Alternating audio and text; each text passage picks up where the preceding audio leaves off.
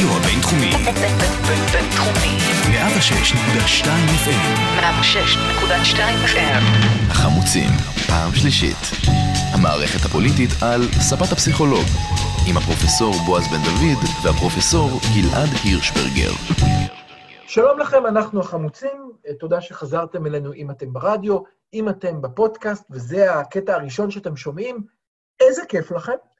אבל אל חשש, יש המון המון קטעים של החמוצים, חפשו אותנו בכל אפליקציית פודקאסט, יש לנו עונה ראשונה של בחירות א', מועד ב', מועד ג', וגם פרקים טריים על הקורונה, איך הקורונה משפיעה על הפסיכולוגיה של הציבור, איך היא משפיעה על המערכת הפוליטית.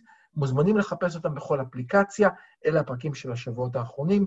אני פרופסור בועז בן דוד, פסיכולוג קוגניטיבי, נמצא בבית, לא במרכז הבינתחומי.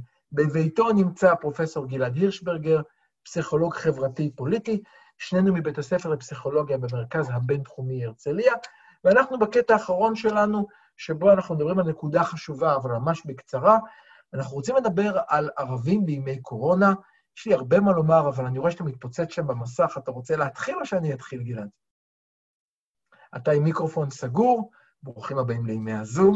כן, היי. אה, אז אני, אה, אני אשמח להתחיל, יש לי כמה דברים אה, לומר. אני חושב שיש כאן מצב שהוא מאוד מעניין. סיימנו עכשיו שלוש מערכות בחירות, שבשלושת מערכות הבחירות האלה, אחד המסרים המרכזיים ששמענו, במיוחד החלק השלישי של המערכת הבחירות השלישית, מועד ג', שמענו הרבה על זה שהרשימה המשותפת זו רשימה של תומכי טרור. תומכי טרור בשלטים, בחוץ. בשלטים, נכון. תומכי טרור. אז מבלי כרגע להתווכח אם זה נכון או לא נכון, הקורונה פתאום מייצרת עוד איזושהי מציאות מאוד מעניינת. כמעט 30 אחוז מהאנשים שנמצאים בתוך המערכת הרפואית, רופאים, אחים ואחיות, רוקחים, סניטרים... 50 אחוז מהרוקחים. כן, 50 אחוז מהרוקחים, בסך הכל זה יוצא מעל משהו כמו 30 אחוזים, שזה הרבה מעבר למשקלם של הערבים באוכלוסייה. האנשים האלה עובדים ימים כלילות כדי להציל את החיים של כלל אזרחי ישראל, יהודים, ערבים. ומסכנים את עצמם במקביל. מסכנים, מסכנים את עצמם, מסכנים את המשפחות שלהם, בגלל שסכנת ההידבקות היא גבוהה. אז כאן השאלה היא, איך אנחנו מיישבים את הסתירה כביכול הזאת? בין זה שיש כאן אנשים... רגע, תן לי, תן לי להשלים את החשיבה.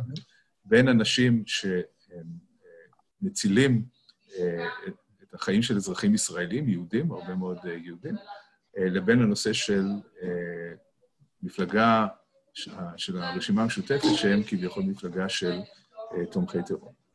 דרך אחת ליישב את הסתירה, שנייה, דרך אחת ליישב את הסתירה, אם תרשה לי, שנייה, שנייה, שנייה.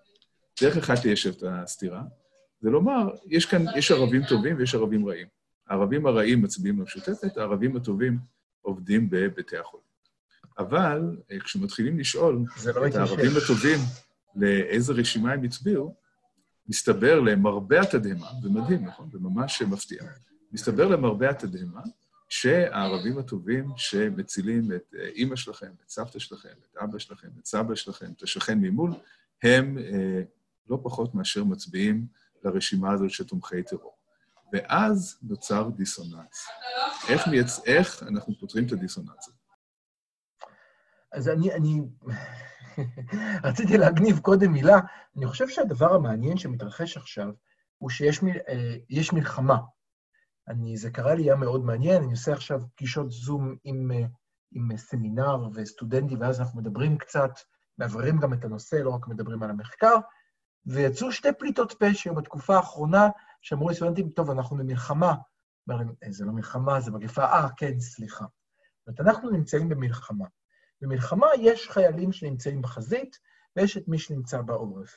חיילים שנמצאים בחזית, אנחנו רגילים לכך גם בהיסטוריה שלנו כעם וגם בהיסטוריה האנושית, שולחים חיילים שמסכנים את עצמם, שאנחנו דואגים להם, סורגים להם סוודרים, שולחים להם חבילות, הם בחזית מסכנים את עצמם, ואנחנו מאחורנית צריכים להיות חזקים ולתמוך בהם. אנחנו רגילים, בכל מלחמות ישראל, החיילים הם תמיד יהודים. החיילים הם תמיד, תמיד, תמיד הבן שלי, הבן שלך, או הבן של השכן שלי ושלך, שגרים ביישוב היהודי שלנו, ולא מגיעים ליישוב הערבי. לפתע, יש לנו מלחמה, שיש בה חיילים, כמו שאמרת, שמסכנים את עצמם, מסכנים ומסכנות, סליחה, שנמצאים בחזית, ו-30 אחוז מהם הם ערבים. אני חושב שזה אחד הטריקים המעניינים במלחמה הזאת. נכון.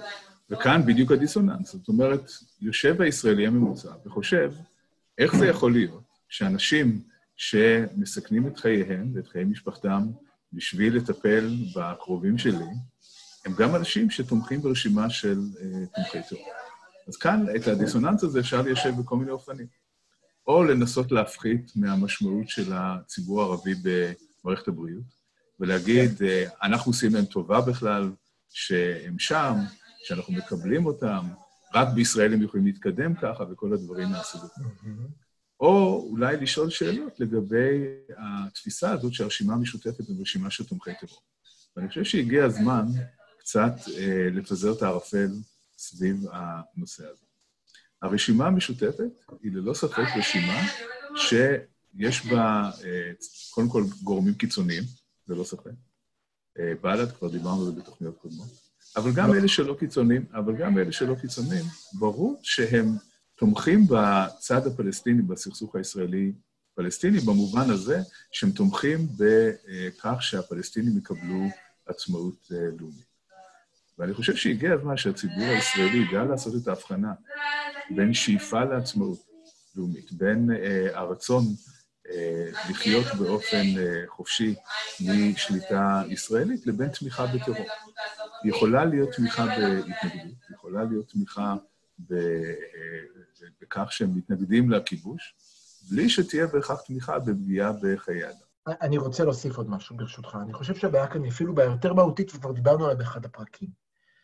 התפיסה הבסיסית, ויש כאן מחנה שעשה את זה כבר כמה שנים, אני הקיצוני, אבל לא נעים לי, מחנה שעושה את זה כבר כמה שנים בצורה מאוד קונסיסטנטית, להגיד, כל הערבים תושבי ישראל הם כולם האויב.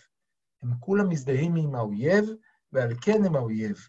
אני יכול להתווכח עם בנט, אני יכול להתווכח עם סמוטריץ', ואומרים לי, כן, אבל הם כולם ביחד ישרתו בצבא איתך להתמודד נגד האויב. אבל אחמד תמיד יהיה האויב שלך, דע לך שהוא אויב, לכן הוא לא יכול להיות איתך, לא משנה במה הוא תומך. המהלך שחייב להתרחש עכשיו, כי אנחנו חברה שבה חיים אלה לצד אלה, אולי בזכות הקורונה, הוא מהלך שבו להגיד, אני לא מסכים איתם. זה בסדר לא להסכים איתם, זה בסדר אפילו להתנגד לחלק מהדברים שהם רוצים שיהיו פה בישראל, כמו שאני מתנגד לדברים שבנט וסמוטריץ' רוצים שיהיו בישראל. אני לא בעד מדינת הלכה. אני לא בעד לסקול באבנים הומוסקסואלים. אבל אפילו מתנגד מאוד נחרץ. יחד עם זאת, אני מסוגל לחיות איתם ביחד באותה מדינה, במאבק פוליטי, אבל בשותפות. השאלה היא... ואולי, עכשיו... ואולי המציאות החדשה הזאת שנוצרה, שהיא אגב לא חדשה מבחינת, מבחינת המעורבות של הציבור הערבי במערכת הבריאות, היא תמיד mm-hmm. הייתה כך, אבל mm-hmm. עכשיו באמת אפשר להעלות את השאלה של האם יש מקום לאמון גדול יותר באזרחי ישראל הערבים, שמצד אחד אנחנו נותנים להם סקלפל ביד ומאפשרים להם לפתוח את בית החזה של הקרובים לנו ולבצע ניתוחים אה, מאוד מורכבים, אבל מצד שני אנחנו מאוד מפחדים מהכוח הפוליטי שלהם. והגיע הזמן אה, להבין שאם הם אזרחי, אזרחים אה, נאמנים, שאנחנו נותנים להם אמון במערכת אחת, ואמון מאוד מוצדק, בגלל שבסך הכל המערכת שלנו לא הייתה יכולה לתפקד בלי הרופאים והאחיות וכל שאר הצוות הרפואי המצוין שמגיע מהמגזר הערבי, ואנחנו סומכים עליהם בצורה מלאה, ולכן גם יש מקום לחשוב על לתת אמון במערכות אחרות. אז אנחנו דיברנו על הערבים ואיך הקורונה משפיעה על המקום של הערבים במערכת הפוליטית, ואנחנו אולי נסיים בכך שיש תמיד דיון אה, בשיחות עם פלסטינים תושבי השטחים וערבים ופלסטינים תושבי ישראל, שהם לומדים מהיהודים. כל הזמן אומרים, אנחנו לומדים מכם. אם תסתכל על ההיסטוריה של יהודים כמיעוט באירופה ובארצות הברית, מי היו הרופאים, מי היו עורכי הדין, מי היו אלה שנכנסו לתוך הקונצנזוס דרך ההשכלה, דרך הרפואה ודרך המשפטים, היהודים, והנה אנחנו רואים שהערבים אזרחי ישראל נוקטים באותה גישה, השאלה האם זאת תהיה... אבל כאן אתה, מעלה, כאן אתה מעלה עוד סוגיה פסיכולוגית שהיא אה, מאוד מעניינת, וזה מה שנקרא איום זהות. דווקא כשהאחר מפסיק להתנהג בצורה סטריאוטיפית ומתחיל להתנהג יותר כמו קבוצת הרוב, זה יכול לאיים יותר. זאת אומרת, באיזשהו מקום נוח לנו יותר עם אחמד שיש לו חומוסייה, ואנחנו באים אליו לכפר בשבת לאכול אה, חומוס, מאשר אה, פרופסור אחמד, שהוא מנהל אה, מחלקת לב בתל השומר או משהו, כן? אותו דבר יש לנו עם היהודים בארצות הברית, עם המכסת כמה יהודים מותר להכניס לבית, לבית ספר לרפואה, כמו שהיה פעם. זה היה בעבר, זה צריך לציין, היה בעבר. הנומרוס קלאוזוס המפורסם שהיה גם באירופה וגם בארצות הברית. בכל אה, ליגות הכיסוס, בכל האוניברסיטאות היפות והנחמדות שהם תורמים להם הרבה יהודים, לפני איקס שנים היה אסור מעבר ל... זאת אומרת שאנחנו רואים... המשפט האחרון, אגב, המשפט האחרון בהקשר הזה היה בשנות ה-70, אה, לגבי אה, אוניברסיטת קליפורניה בברקלי. אני מכיר את עורך הדין שניהל את התביעה וזכה, הוא הצליח להוכיח שבדייוויס היה נורוס קלאוזוס עד שנות ה-70. ובכך סיימנו, חרגנו בטח מהזמן. תודה לכם שהייתם איתנו. אה, אנחנו מקווים מאוד לחזור בשבוע הבא, אם לא נהיה זומבים כולנו ונהלך ברחובות. יישארו בטוחים, יישארו בבית, תקפידו על ההוראות, בואו נעבור את זה ביחד. תודה רבה.